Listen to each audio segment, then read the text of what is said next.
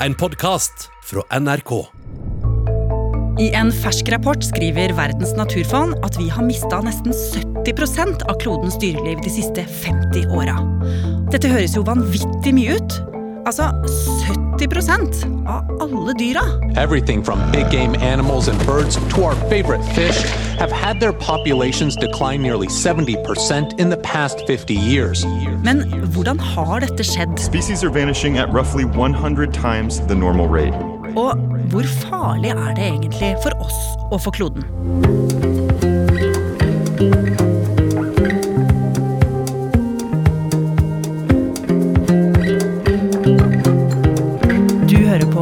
Oppdatert.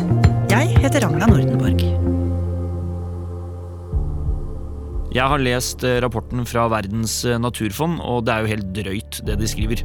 Dette handler altså om at antall ville dyr i verden har gått ekstremt ned de siste 50 årene. Ole Andreas Låke Klevan er programleder i NRK Nyheter. Hvis vi måler jordens pattedyr i vekt, så er mennesker en tredjedel av den vekten.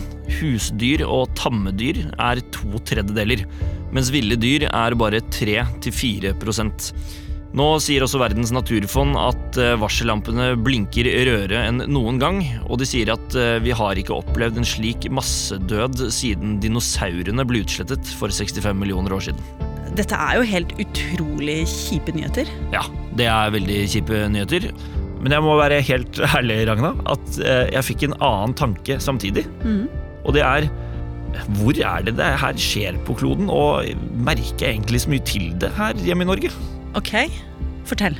Jeg føler på en måte at eh, når jeg går rundt eh, her og ser meg rundt, så jeg føler at jeg ser dyr overalt. Det er ikke noen dyr jeg tenker over at har forsvunnet, eller at vi har mistet. Så jeg tok en eh, prat med zoolog Petter Bøckmann, som er en av de som kan aller mest om dyr, og han sa dette her. Tanndyra har vi gitt fordeler. Vi er jo mennesker, vi kan jo styre innmari mye rart. Så vi har gitt dem fordeler som deres ville slektninger ikke har. Passa på dem og sørget for at rovdyr ikke tar dem, og holdt dem i live og gitt dem mat om vinteren. og alt det styret der. Så de har overtatt plassen. Det er jo konkurranse om plassen. De spiser jo det samme som sine ville slektninger. Nå er det mat til tamdyra, for det sørger vi for. Og så er det veldig lite mat og veldig lite plass til deres ville slektninger. Og et helt konkret eksempel på et dyr det har blitt mindre av her i Norge, det er et dyr som lever under vann, og det er fisken steinbitt. Før i verden så var det en god del steinbitt, og grunnen til at det var det, var at den ble ansett som en ufisk. Den, den ser jo litt sånn ugrei ut, den steinbitten. Den er uh, slakk i skinnet og liten i sporen og svømmer langsomt. Nesten litt sånn åleaktig i bevegelsene. Og så har den et digert hue med noe ordentlig røslige kjaker, som er tyggemuskler alt sammen. Og masse tenner. En del litt spisse tenner foran, men mest sånne flate knusetenner bak. Dette er dyr som spiser hard mat. Og siden steinbitt var regnet som en så stygg og ekkel fisk, så var det jo ingen som spiste den. Men på 1970- og 80-tallet, da begynte dette å endre seg, og det ble satt i gang storfiske på steinbitten. Og så er problemet at sånne dyr som er toppen av næringskjeden, sånn som steinbitten er, de formerer seg ofte langsomt, og dermed så blei det ganske lite steinbitt ganske fort. Og da gikk alarmen. På 80-tallet så ble forskerne plutselig innmari bekymra, for da forsvant plutselig steinbitten i mye områder. Steinbitten smaker godt og ble fiska, og så er det en fisketype som frør seg litt langsomt, og dermed ble det mindre av den. Og for å forstå hvordan det ble mindre av den, så må vi spole litt tilbake til 1960-tallet. Kom og bli med oss til fiskeland. Vi hopper i båten og dreg ifra strand. Vi seter oss på tofta og ror og ror, og snart er vi der som fisken bor. Der nede yrer det av liv. Det var tett tareskog som svinger seg i havstrømmen, der krabber, skjell, torsk hyser seg, farger og former i alle varianter, og selvfølgelig steinbitt. Men etter hvert begynner det å skje noe som ikke har skjedd før. Der kommer vi inn på det vi kaller for økologi. Ja. Ting henger litt sammen. Steinbiten Steinbitten spiser kråkeboller. Blåskjell og litt krabber og sånn. Men særlig kråkeboller. Og kråkebollene spiser også noe. De spiser tare. De spiser tarestammene som står oppover. Sånn at når det er lite steinbitt, så blir det mye kråkeboller. For alle kråkebollene vokser opp, de blir ikke spist opp. Og dermed så forsvinner tareskogen. det som har vært en frodig skog, blir en ørken. Så det Petter egentlig forteller meg her, er at steinbitten var en av få fisker som faktisk, med sine svære kjever og tenner, kunne spise kråkeboller. Og når vi da overfisker steinbitten, så skjønte etter hvert forskerne at her blir det mange kråkeboller. Kråkebollene spiser opp tareskogen, og da spiser de opp hjemmet til steinbitten, men også til mange andre fisk og andre arter i havet. Det ble bare berg, altså slette, flate berg med veldig lite som vokser der. Og dermed så forsvinner oppvekstmiljøet til masse dyr. Eh, torsken, eksempel, kysttorsken, den er avhengig av at ungene har et sted å gjemme seg når de er små. Skjer i tareskogen. Eh, nålefisker bor i tareskogen. Eh, masse småfisk er avhengig av tareskogen for å gjemme seg for rovdyr, for å finne maten sin osv. Ingen tareskog, veldig lite annen fisk. Og dette her har jo jeg merket, Ragna.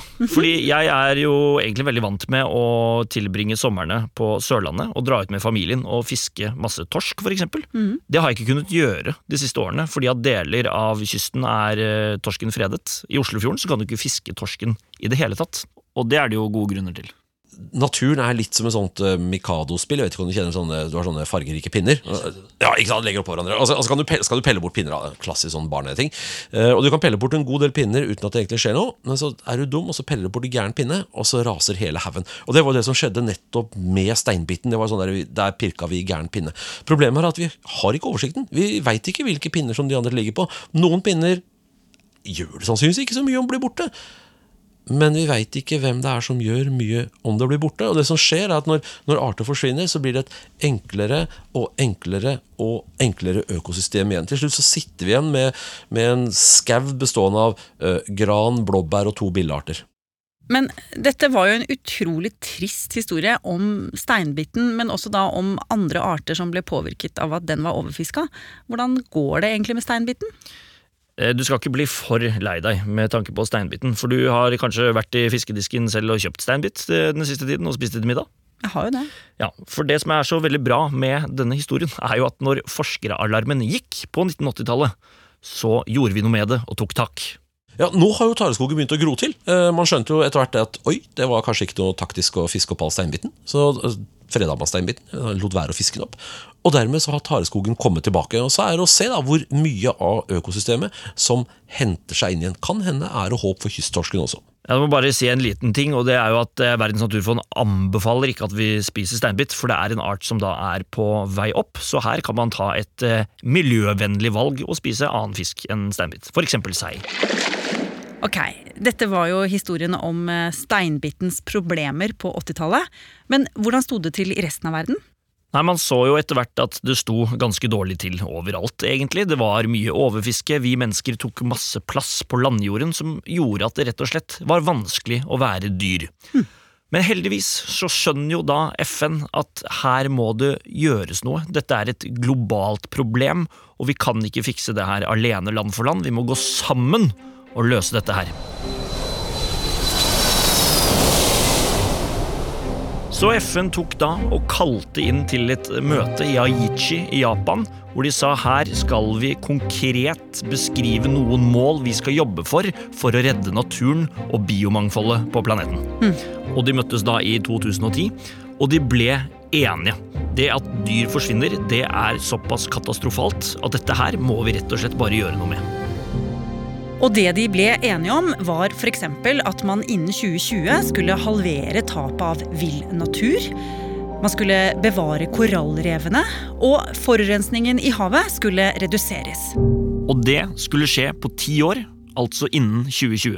Og det er jo faktisk i år, det. Hvordan gikk det?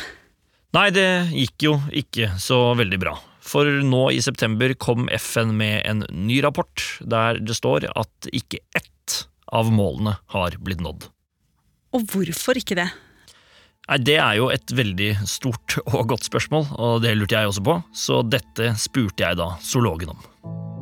Det er eh, Hva skal jeg si eh, Jeg er stor tilhenger av demokrati, eh, men demokrati har enkelte små svakheter, og det er at det er vanskelig å gjennomføre upopulære tiltak.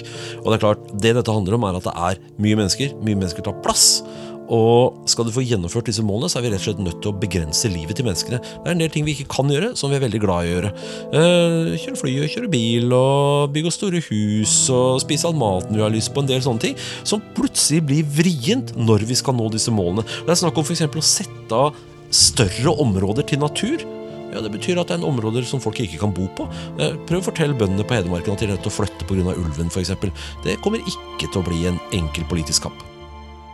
Men hva skal vi gjøre? Vi kan jo ikke bare sitte og se på at dette her skjer. Nei, det kan vi ikke. Eh, Men det var heldigvis et nytt møte nå den eh, 30. september i FN, der de diskuterer det de kaller akutt handling for biomangfold for bærekraftig utvikling. Og de mener jo da, eller Det de diskuterte på dette møtet, var at nå må vi akselerere disse handlingene som gjør at vi redder naturen, og vi må se synlige resultater på dette innen 2030. Men vi vet jo da at eh, sist gang de satte et sånt mål, så gikk det jo i dass. Og hvis det samme skjer igjen, er alt håp ute da? Nei, det er jo heldigvis ikke det. Vi har jo eksempler av at ting fungerer, som eksempel med eh, steinbitten. Den er jo på vei tilbake, og tareskogene vokser. Og så ser vi også at det er en helt annen holdning i verden nå enn tidligere. Altså Det er jo en vind der vi ser at miljøpolitiske partier eh, tar stor plass. Eh, folk, og spesielt unge, er mer opptatt av miljø. David Attenborough kom akkurat ut på Netflix med en ny dokumentar som er hans vitnesbyrd, hvor, hvor han sier at vi må rewild the world, som betyr at vi må la naturen være i fred og gjøre egentlig naturen vill, sånn at den får vokse seg sterk og kraftig helt alene. Vi har jo eksempler i Costa Rica på at de har begynt å dyrke skog igjen etter at skogen forsvant. Nå er halvparten av Costa Rica dekket av trær igjen. En stillehavsøy som heter Palau sluttet å fiske rundt korallrevene fordi det var overfisket. Nå er fisken på vei tilbake. Men dette er en kjempestor jobb. Det er vanskelig. Man kommer ikke til å klare å gjøre dette her alene, så man må samarbeide globalt om å få det til. Og de neste ti årene de kommer til å være veldig kritiske for om vi klarer å redde dyre- og plantelivet på jorden.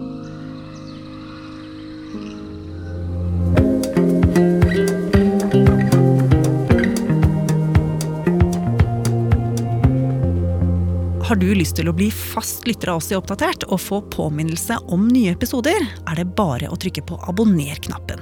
Og så er det veldig hyggelig hvis du vil anbefale oss til en venn. Oppdatert er en podkast fra NRK Nyheter, og vi som jobber her, er Ida Tune Øretsland, Andreas Berge, Ina Emily Swann, Ole Andreas Låke Klevan, Petter Sommer og jeg, Ragna Nordenborg. Vil du kontakte oss, gjør gjerne det på oppdatert alfakrøll nrk.no.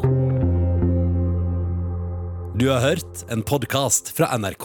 Hør flere podkaster og din favorittkanal i appen NRK Radio.